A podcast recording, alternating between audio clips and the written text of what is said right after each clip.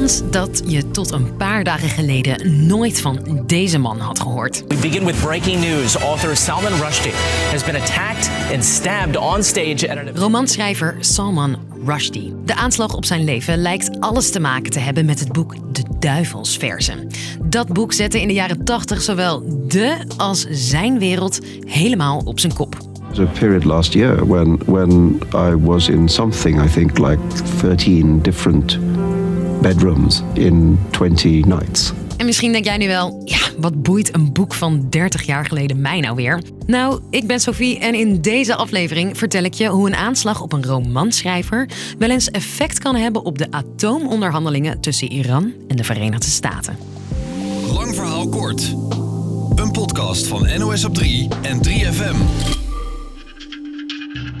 Het is 1988. De roman De Duivelsversen van de Brits-Amerikaanse schrijver van Indiase achtergrond gaat naar de drukker.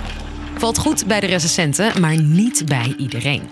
Na de uitgave volgen bomaanslagen, moorden, rellen. Vallen zelfs tientallen doden bij. En wat ook volgt, ruzie tussen de Verenigde Staten en Iran. Oké, wat was daar gaande?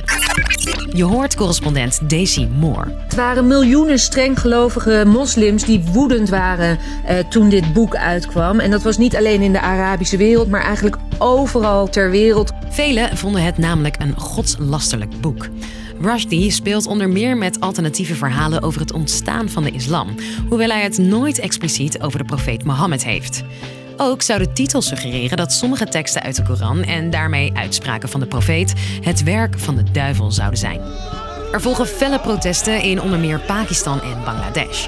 Maar ook in het Westen, waaronder in Nederland, gaan mensen boos de straat op. Ja, hij is gewoon een beest. Ja, Bruce is gewoon een beest.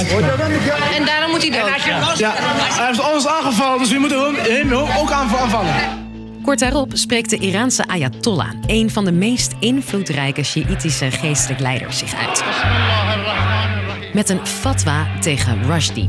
Dat is een soort vonnis binnen de islamitische wetgeving. Wie hem omlegt, krijgt 3 miljoen dollar. Het Westen veroordeelt de fatwa. De Britten verbreken de diplomatieke betrekkingen met Iran en de VS kondigen sancties af. De boel staat op scherp. Rushdie duikt onder en leeft streng beveiligd op geheime adressen. I am in this unnamable place. There is weaponry everywhere, and by my side is a panic button that I am to hit if anything worrying happens. Tien jaar lang leeft hij zo, tot 1998. Iran wil weer goede banden met het Westen en besluit de schrijver met rust te laten. De fatwa intrekken, dat ging niet omdat Ayatollah Khomeini inmiddels was overleden. Maar Iran zegt de fatwa niet langer actief te steunen. Al dus de minister van Buitenlandse Zaken. The government of the Islamic Republic of Iran has no intention, nor is it going to take any action whatsoever to threaten the life of the author of the Satanic Verses. Afgelopen jaren leeft Rushdie, die inmiddels 75 is, in New York in relatieve veiligheid. Tot nu. A horrific attack. Tijdens een lezing steekt een man plots tien keer op Rushdie in.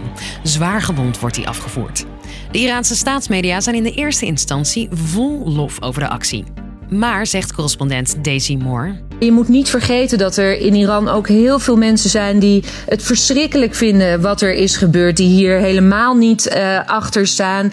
En die zich juist heel erg distancieren van wat er is, is gebeurd. Die maken zich zorgen over de nabije toekomst. Wat het betekent voor hun land. Of Iran nog verder geïsoleerd zal raken van de rest van de wereld.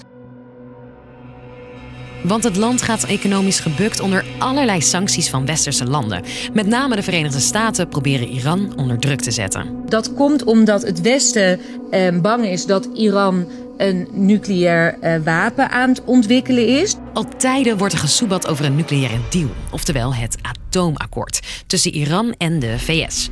Die was er een tijdje, maar daar trok oud-president Trump in 2018 de stekker uit. En nu wordt er dus al bijna een jaar weer onderhandeld om een manier te vinden om terug te keren naar die deal. En ehm, die deal eh, zou betekenen dat Iran weer olie kan verkopen aan het Westen op de internationale eh, markt. En dat sancties worden ingetrokken, want er zijn veel westerse economische sancties ehm, op Iran. Die gesprekken lopen moeizaam. We moeten natuurlijk het onderzoek nog verder afwachten. Maar als uh, die link inderdaad duidelijk wordt tussen de verdachte en Iran, dan zal het uh, die gesprekken zeker niet makkelijker maken. Je kan het je misschien voorstellen dat als in een gevoelig overleg de ene partij de dood van een staatsburger van de andere aanmoedigt, dat niet al te best is voor de overlegsfeer. Dus, lang verhaal kort. Schrijver Salman Rushdie is neergestoken tijdens een presentatie. Hij overleefde de aanslag, maar vermoedelijk is het slechte timing voor de al moeilijke gesprekken over een nucleaire deal tussen Iran en de VS. Voor nu, bedankt voor het luisteren en morgen zijn we er natuurlijk weer rond de klok van 5. Tot de volgende!